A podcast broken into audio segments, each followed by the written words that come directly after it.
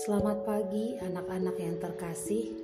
Sebelum memulai penilaian harian untuk hari ini, mari kita dengarkan sedikit dari perenungan firman Tuhan. Renungan pagi pada hari ini diambil dari Kejadian 28 ayat 18. Bunyinya seperti ini. Keesokan harinya pagi-pagi, Yakub mengambil batu yang dipakainya sebagai alas kepala dan mendirikan itu menjadi tugu dan menuang minyak ke atasnya.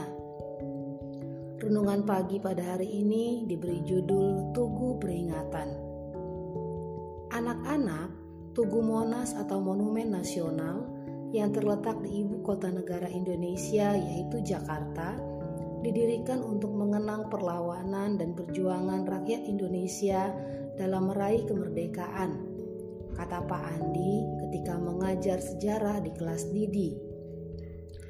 Anak-anak, Yakub pernah mendirikan tugu untuk mengenang peristiwa yang dialaminya. Dalam perjalanannya ke rumah Laban, Yakub harus beristirahat pada malam hari. Suatu malam, ia tidur dan bermimpi bertemu dengan Tuhan. Tuhan berjanji akan menyertai Yakub memberkatinya dan juga keturunannya. Keesokan paginya, Yakub mendirikan tugu untuk mengenang peristiwa itu.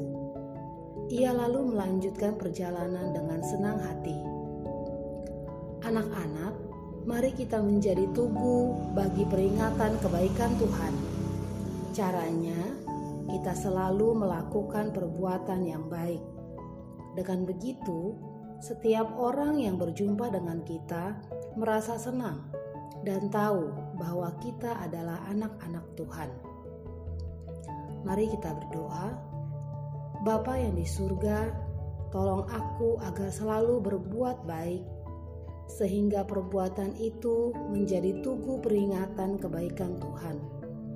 Dalam nama Tuhan Yesus aku memohon. Amin.